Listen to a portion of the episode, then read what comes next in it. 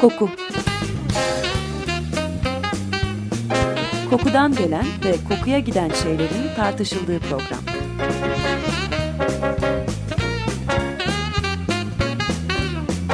Hazırlayan ve sunan Vedat Ozan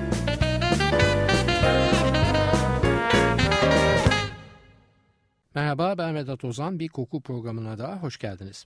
Ne diyoruz hep lezzet ağırlığı kokudan yana olmak üzere tadın da içine dahil olduğu bileşik bir kavramdır. Koku olmadan lezzet olmaz hatta ne yediğinizin farkına bile varamayabilir. Sadece acı, tatlı, ekşi gibi tanım ve ayraçların içine sıkışıp kalabilirsiniz. Oysa gıdamızın kokusu bizim hafıza bankamızla şirin oyunlar oynayarak yemekten ve içmekten aldığımız zevki manipüle edebilir, keyif katsayımızı bulutların üstüne çıkarabilir. Bunun için zaten pek çok yiyecek maddesinin kendi lezzetine ek olarak bazı lezzet katkılarını da ayrıca işin içine dahil ederiz ve pek çok sosu sıcak veya soğuk yemeğimize eşlik etmesi için soframızda bulundururuz. Elbette zamanın akışı ve sistemin hayatımızın her alanına müdahil olması sonucu ortaya çıkan bazı gerekler mesela fast food gibi yiyecek akımları endüstriyel paradoks gereği lezzetin pek çok ayağını eksik ve yetersiz bıraktığından Gün geçtikçe de biz bu lezzet katkılarına daha fazla ihtiyaç duyar hale geliriz. Bir hamburgeri ketçapsız, hardalsız veya mayonezsiz düşünebilir misiniz mesela? Aman düşünmeyin zaten. Çünkü kof bir süngerden öteye gitmez katkılar olmadıkça bu tip yiyeceklerin lezzetleri. Zaten onun için fast food servisi yapan işletmelerde çoğu kez bu sos ve katkılar satın aldığınız ürünün bir parçası halinde önünüze gelirler. O yetmezse diye bir de ayrıdan size ikram edilirler. Yani bu tip gıdalar söz konusu olduğunda bahis konusu soslar olmazsa olmaz konumundadırlar ve keyfe dayalı bir fantazi olmasının ötesine geçerek mecburiyet halini alırlar.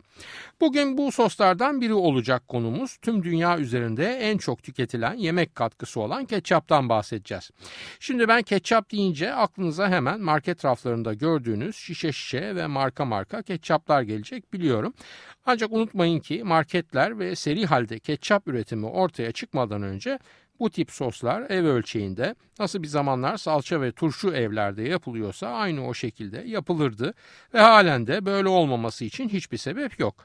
İnternette rahatlıkla pek çok tarif bulabileceğiniz gibi yaptığınız lezzetli bir ketçabı da her ne kadar endüstriyel ürünler gibi aylarca değilse bile en az birkaç hafta rahat rahat kullanabilirsiniz.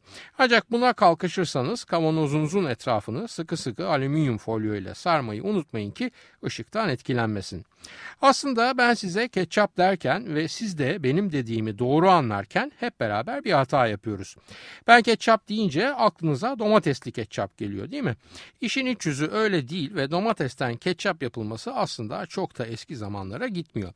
İyi de daha önce ketçap neden yapılıyor peki? O tuzlanmış balık, mantar, ceviz aklınıza ne gelirse her şeyden ketçap yapılıyor bir zamanlar. Ancak domatesli ketçabın Amerika Birleşik Devletleri'nde ortaya çıkması ve orada yaygınlaşan fast food alışkanlıkları nedeniyle biz bugün ketçap deyince zaten domateslisini anlıyoruz ve başka türleri olduğu hatta domateslinin çok sonradan aileye katıldığı falan aklımızın köşesinden bile geçmiyor. Efendim hikayemiz bu aralar biraz galiba kafayı fazlaca takmış olduğumuz Çin'de başlıyor. Han Hanedanı'ndan İmparator Wu Ti düşmanlarını denize kadar kofaladığı seferlerden birinde son derece kuvvetli bir koku hissediyor. Ancak nereden geldiğini göremiyor bu kokunun. Midesine de düşkün olan Wu Ti'nin karnı da acıkmış olacak herhalde ki bu nefis kokudan da gaza gelip hemen adamlarını çevreye salıyor ve gidin bulun bana bu nefis kokan şey nedir diyor. Askerler çevreyi muhtemelen nazik hareketlerle araştırırken bir balıkçıya rast geliyorlar. Bu garibanın da evinin önünde bir toprak küp var. Küpün içinde de balık sakatatı istif edilmiş. Balık sakatatı deyince aklınıza ciğerci dükkanı vitrini falan gelmesin. Bunu demekten kastım. Hani balık pişirmeden önce iç organlarını çıkarır bir yıkayıp öyle pişirmeye alırsınız ya. İşte o çıkarılan iç kısımlardan bahsediyorum. Gariban balıkçı müşterilerinin istemediği bu iç organları alır, küpe koyar, tuzlar ve saklarmış bir süre. O sürenin sonunda da fermente olan bu balık sakatatı bir tür tuzlu sos gibi olur ve garibanın pirincine veya balığına lezzet katarmış. İşte o küplerden birinin ağzı bu kez tam kapanmamış ve içinden yükselerek havaya karışan ve rüzgarla savrulan aroma molekülleri de düşman kovalamakta olan imparatorun dikkatini çekmiş meğer. Rivayet o ki imparator hemen bir kaşıkla dalmış önüne getirilen küpün içine ve tadına da bayılmış. E imparator beğenirse cemaat durur mu? Hemen başlamış bir fermente balık sosu merakı imparatorluk seçkinleri arasında. Balığın mide, bağırsak ve sair iç organları çıkarılıyormuş. Yanına midye atıkları falan ilave ediliyormuş. İyice yıkandıktan sonra tuzlanıp sıkıca kapanıyormuş ve güneşin altına konuluyormuş. Hangi güneşin altında konduğu da önemli elbette. Çünkü eğer yaz güneşinin altında konduysa 20 gün, kış güneşinin altına konduysa 100 gün bekletiliyormuş ve sonrasında afiyetle lüpletiliyormuş ana yemeğe katık olarak. Evet efendim macera böyle başlıyor işte. Yani Asya'da fermente yiyeceklerin tarihi oldukça eski. Gerçi Romalıların fermente balık sosu olan garumdan kelli sizler tarihin eski sayfalarındaki fermente sosları bu programda işitmeye alışkısınız ama olsun. Bu söz konusu sos Roma'nın çok uzağında ve başka bir kültürün içinde nihayetinde. Asya'da ilk fermente yiyecekler az önce anlattığımız ve benzeri et veya balıktan yapılıp ateşte pişmiş etleri lezzetlendirmek için kullanılan bir nevi salçalar. Çinliler ilginç insanlar oldukları için ve yiyeceklerine şiirlerin içinde bol bol yer verdiklerinden dolayı bu katkı maddeleriyle ilgili geniş bilgi sahibi olabiliyoruz eski Çin şiirlerine bir göz atınca. Bu fermente balık soslarının imalatında kullanılan teknikler zaman içinde sebzelere de sıçrıyor ve fasulyelerden mesela soya fasulyesinden salça üretildiğini görüyoruz. Soya salçası aynı zamanda bugün yaygın olarak kullanılan soya sosunun da atası. Soya dominan bir bitki Çin kültüründe hatta fermente soya salçalarının ortaya çıkması balık salçalarının yükselme hızını şiddetle kesiyor diyebiliriz. Neden? E çünkü o gün için dahi fasulye balıktan daha ucuz, daha kolay taşınabiliyor ve daha farklı lezzetlere kapı açabiliyor. 17. yüzyıla gelindiğinde yani Qing Hanedanı döneminde soya sosu ve diğer fasulye salçaları standart lezzet katkısı oluyorlar Çin'de ve balık salçaları sadece bazı bölgelerde görülebilen marjinal tercihler haline geliyorlar. Ancak Asya'nın güneydoğusunda özellikle Mekong deltası ve civarında fermente balık sosları fasulyelere bu kadar kolay yol vermiyorlar ve bu kez de onlar standart katkı haline geliyorlar bu bölgelerdeki kültürlerin mutfaklarında. Yani coğrafi bir ayrım yapmaya kalksak Asya'yı çok rahat Güneydoğu'da balık sosçular ve Kuzeydoğu'da fasulye sosçular diye ikiye ayırabiliriz. Fermente balık nedir? Bir anlamda balık turşusu demektir elbette. 1690 yıllarında balığın hala rağbette olduğu bölgelerde ki bunlardan biri de liman bölgesi olan Amoy ve çevresi bu turşulaşmış balıkların yanına bazı diğer deniz mahsulleri ve elde avuçta mevcut baharatta eklenerek farklı bir birliktelik oluşturuluyor ve bu yeni sosa da uzunca tuzlu balık turşusu suyu anlamına kısaca da balık suyu anlamına gelen koe çiyap ismi veriliyor. Dedim denize sahili olan yerler elbette balıkla ilgili yerler. Bu da ne demek? Bu da zamanın tek uzun mesafe ulaşım aracı olan gemilerde de bol bol bu balık suyu veya koeçiyapın kullanılması, seyahatlerde geminin gittiği yerlere sosunda gitmesi ve gelmesi demek. 18. yüzyılın başlarında koeçiyap bu şekilde Malay Yarımadası'na yani bugünkü Malezya ve Singapur'un olduğu bölgeye ulaşıyor ve orijinaline sadık kalarak fakat telaffuzu azıcık değişerek Keichap ismini alıyor. Bilirsiniz bu bölgelerde o yıllarda en hakim sömürgeci güç İngilizler ve onlar da sömürgelerinden merkeze doğru gelen bir yiyecek kültürüne her zaman kucak açmış olduklarından bu bizim balık suyunu da İngiliz sofralarına hemen konduru veriyorlar. Konduru veriyorlar ama elbette ne Çinli ne de Malay olmadıklarından sosun ismini dilleri döndüğünce telaffuz ediyorlar ve ketçap demeye başlıyorlar. Farkındasınız hala balık temelli bir sostan bahsediyoruz ve söz konusu sosun adı ketçap olmasına rağmen domatesin ne ismi ne de cismi ortalarda yok. Zaten 1800'lerin ortalarına doğru gelmeden pek görebileceğimiz de yok domatesi şişenin içinde. Bu arada küçük ve gerekli bir parantez açayım. Domatesin menşei yani kaynağı Amerika kıtası. Hatta daha spesifik olmak gerekirse kıtanın güneyindeki kıyı bölgelerinin dağları. Yani domates bir Amerikalı meyve ama işin ilginci Amerikan kıtasının yerleri zehirli olduğuna inandıkları için pek domates yemiyorlar ve domates yeme alışkanlığı dünyaya bu kıta kıtada domatesle tanışıp üzerine biraz ırkçı bir tanım olacak ama mal bulmuş mağribi gibi atlayan İspanyol sömürgeciler sayesinde yayılıyor. Bir yaklaşıma göre domates ismi de Aztek lisanında göbek deliği olan meyve anlamına gelen ksitomal kelimesinden türüyor. İlk yetiştirilen domatesler yeşil ve sarı. Kırmızı domates henüz bir alt tür olarak ortalarda pek yok anlayacağınız başlarda. İtalyanca'da domatese altın elma anlamına gelen pomodoro denmesinin sebebi de bu ilk renginden kaynaklanıyor. İyi de Amerika'nın yerleri domatesi zehirli bulmakta haklı mılar? Elbette çünkü ham domatesin yaprakları ve sapında atropin var ki yenilirse zehirli olabilir. Ayrıca ham domatesin içinde bulunan tomatin molekülü de pek sağlam ayakkabı değil aslında ama Allah'tan çok çok az miktarda var ve yenilse bile zarar verecek düzeyde değil. Olgun domateste bu tehlikelerin hiçbiri yok ve hatta üstüne en kuvvetli antioksidanlardan biri olan likopen ihtiva ediyor ki bu da kalp ve kanser riskini azaltan bir durum elbette. Ham domatesin yaklaşık %93'ü sudan müteşekkil. 100 gram domates yediğinizde 17 gram karbonhidrat, 3 gram protein, 23 gram C vitamini yani günlük almanız gereken minimum C vitamini miktarının %35'ini ve 900 ünitede A vitamini yani günlük almanız gereken maksimum miktarın neredeyse %30'unu almış oluyorsunuz. Hem bunlardan hem yetiştirme kolaylığından hem de lezzeti olan çok yönlü katkısından dolayı bugün için tam anlamıyla evrensel bir gıda domates ve içine girip de ele geçirmediği mutfak kültürü yok gibi. İtalyan veya Türk mutfağını ve içerdikleri domatesli yemekleri bir düşünseniz zaten bu muhteremin ne kadar kısa sürede bütün mutfak karakterine nasıl hakim olduğunu görebilirsiniz. Bazıları tabii buna pek olumlu yaklaşmıyorlar ve mesela domatesin otantik ve eklektik bir homojeniteye sahip Osmanlı mutfağının katili olduğunu söylüyorlar. Çok da haksız sayılmadıklarını itiraf etmeliyim naçizane olarak ben de. Evet İspanyollar domatesle Meksika harekatlarının başladığı 1519 yılında tanışıyorlar. 1692 yılında ise İtalya'da Los Calco alla Moderna isimli kitapta ilk domatesli yemek tarifi görülüyor. Bu arada İspanyollar da elbette domatesi sadece kıtalarına yani Avrupa'ya taşımıyorlar. Amerika kıtası içindeki diğer İspanyol kolonileri yani Florida, New Mexico, Texas ve Kaliforniya'da bu yeni lezzetler sebepleniyor. E buraları ziyaret eden İngiliz yerleşimciler de bu bölgeleri ziyaretle ve zaman içinde fethettikçe onlar da tanışmış oluyor botanik adı Solanum lycopersicum olan domatesle. Efendim burada bir kahve molası verelim. Hatta kahve değil kısacık bir çay molası verelim. Domatese sonrasında devam etmek üzere. Yes'ten dinliyoruz. Fly From Here albümünün uvertürü.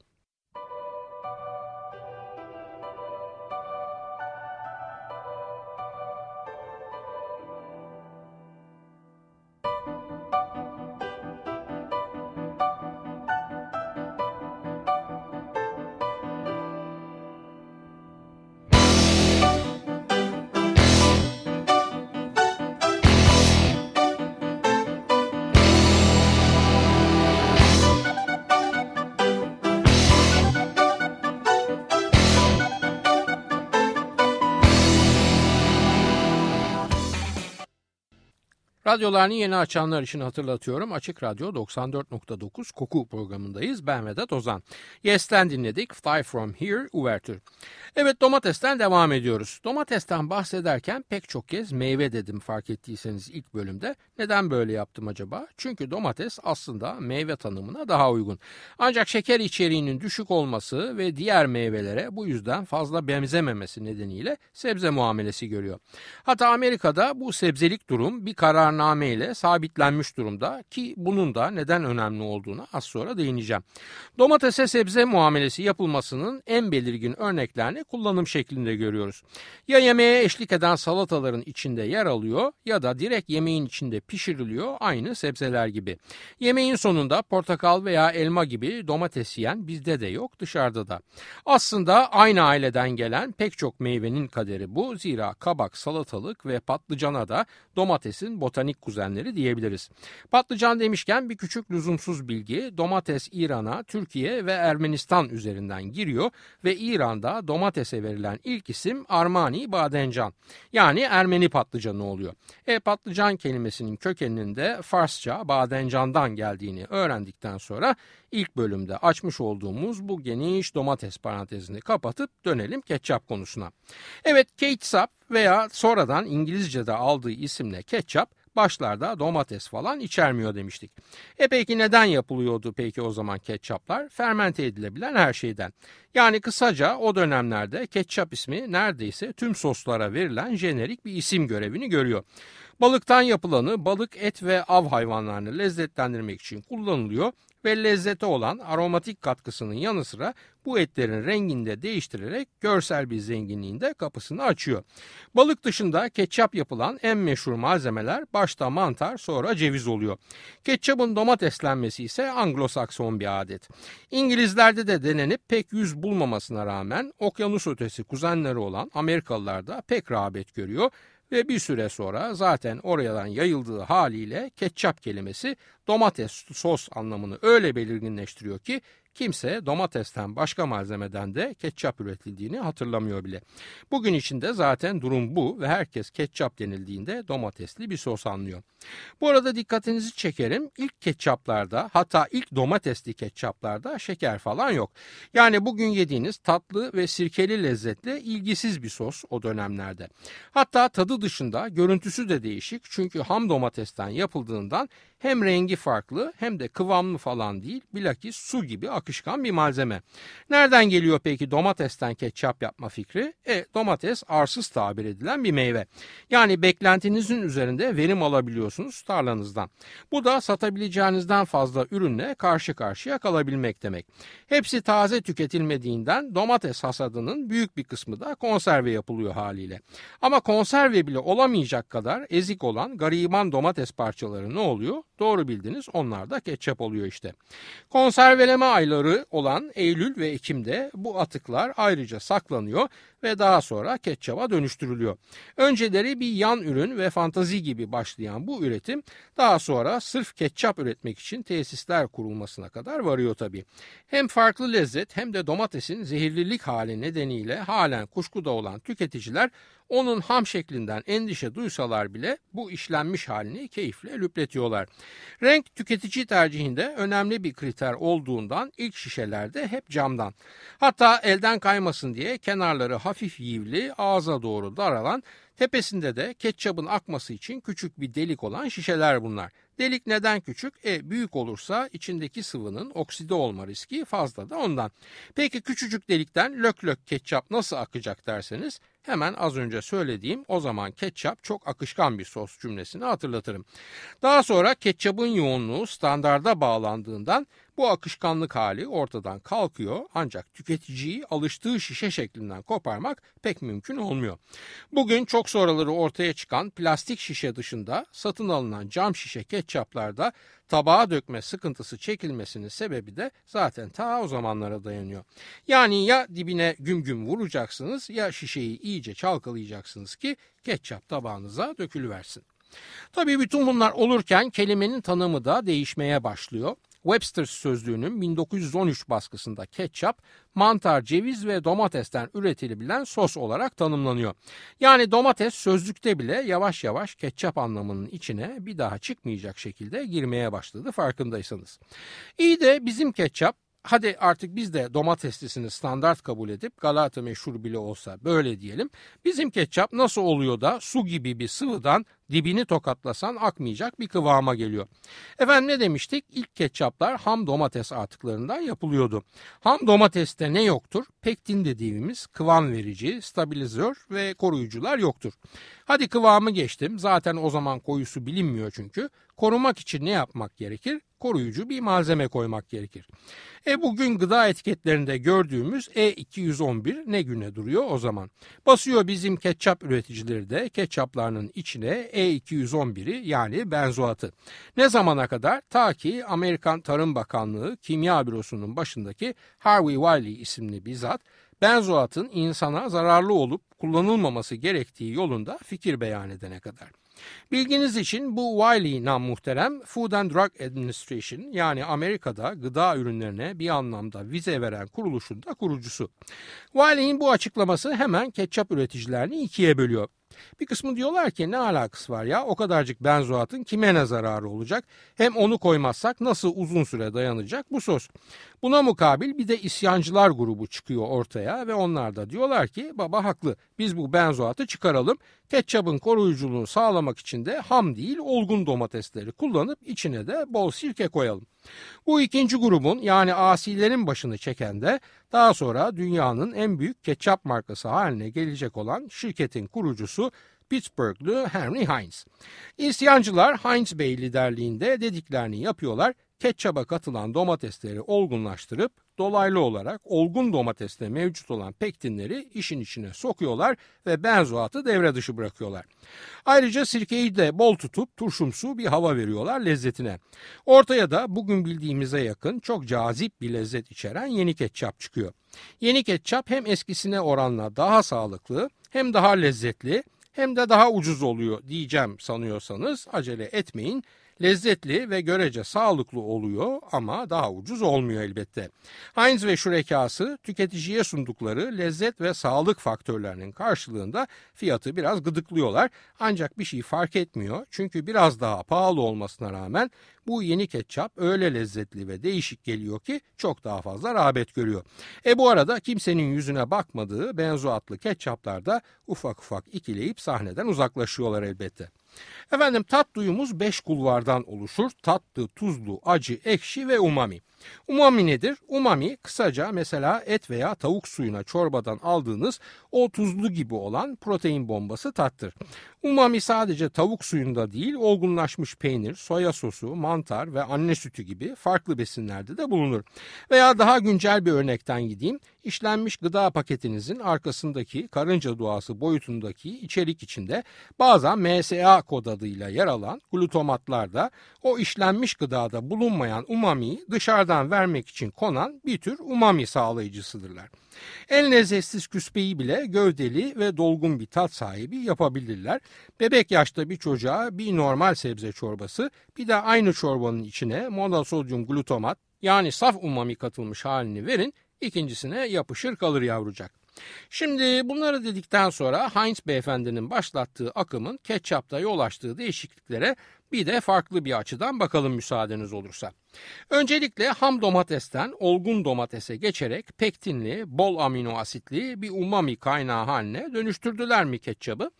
Ardından sirkeyi basıp ekşiliği de işin içine soktular mı? Az da kırmızı biber ve bu yetmezmiş gibi bol miktarda da şekeri şişeye boca ettiler mi? E zaten tuzlu havası da salamaruluktan geliyordu. Bütün bu saydıklarımı yapınca nereye geldi iş?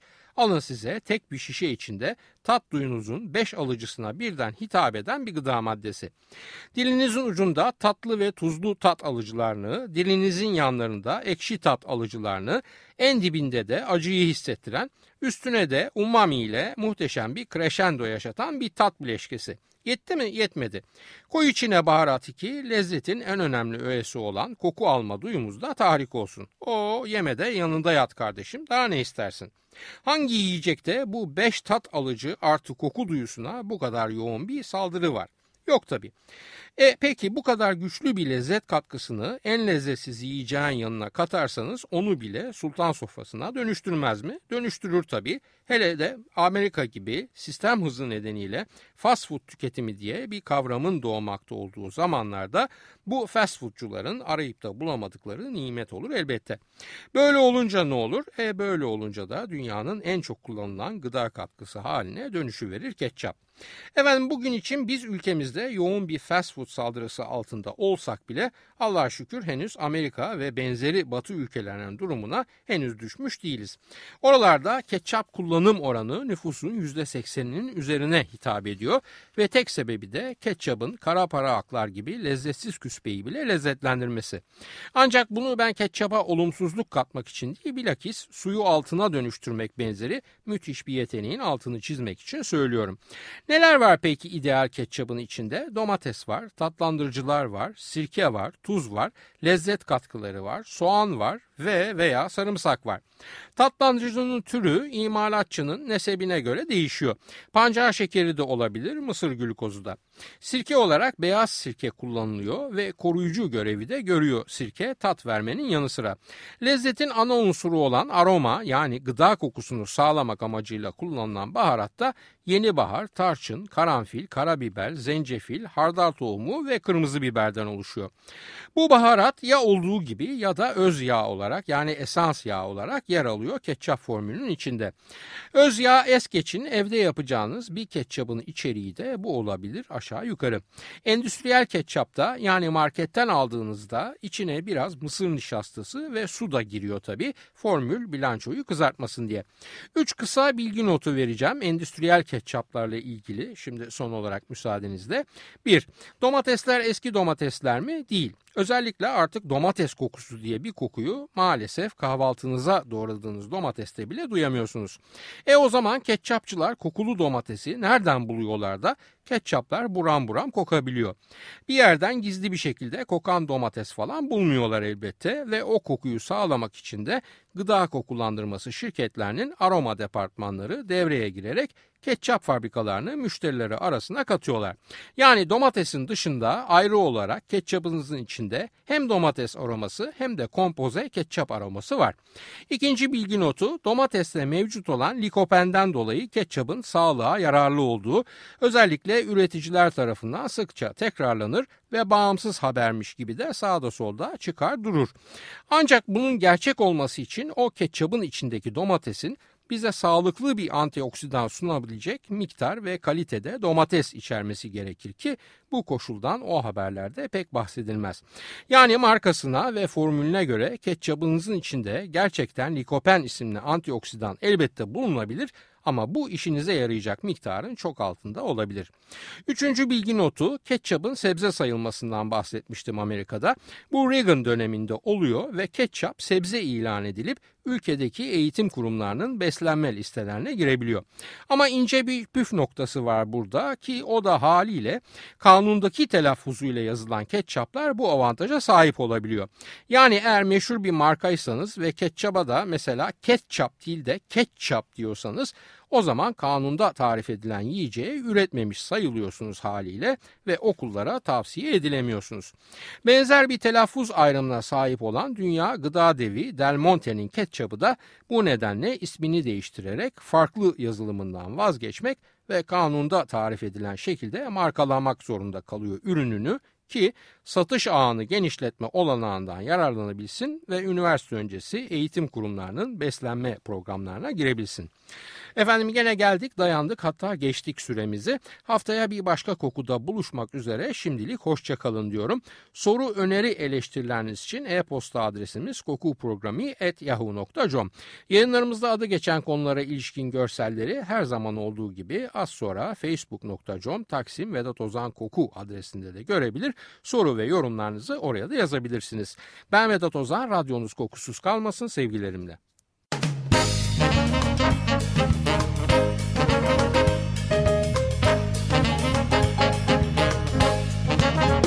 Koku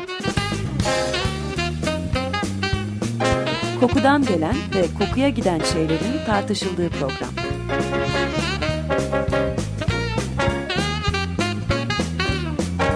Hazırlayan ve sunan Vedat Ozan